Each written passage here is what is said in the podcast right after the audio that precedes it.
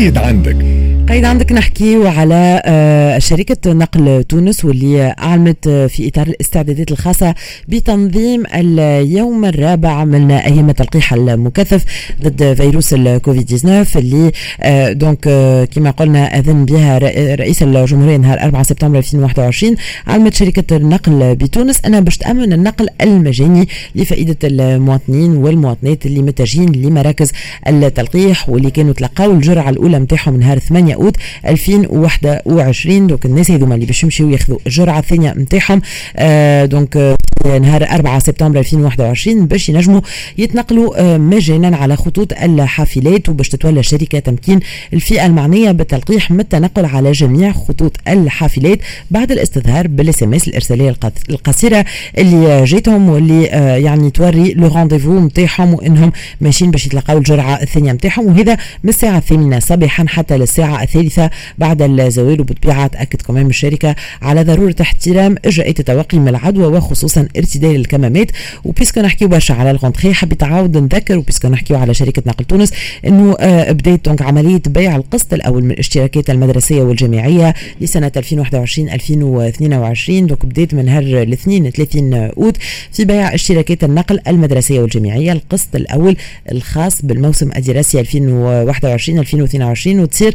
donc عملية آه، بيع الاشتراكات في آه، تونس وفي عديد الجهات الأخرى. في 21 مكتب بمراكز ولاية الجمهورية. وبالنسبة لتونس الكبرى donc فما وكالات تجارية تابعة لها باش تأمن عملية البيع في حي الخضراء في المروج أربعة في المرسى بلاج في منوبة كيف كيف. وزيدا ممكن أنه تعملوا الاشتراكات نتاعكم donc على le site www.transtu.tn www.transtu.tn بالنسبة للتلامذة والطلبة اللي يحبوا يعملوا الاشتراكات المدرسية والجامعية نتاعهم هذا فيما يخص آه، شركه نقل تونس. إحنا نكملوا معاكم بعد شوية بعد موعد أخبار. ل 11 ونص نرجعوا ونعملوا دورتنا جولتنا مع صابر حديد في زينة البلاد.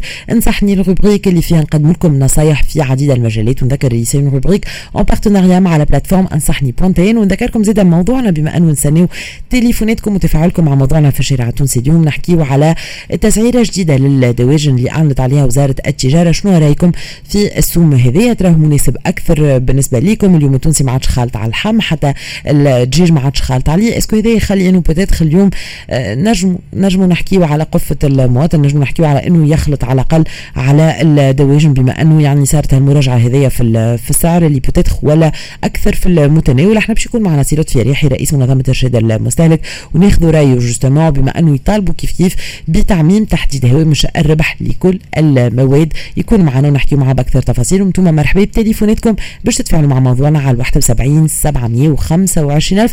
خليكم معنا الموسيقى الأخبار وراجعين.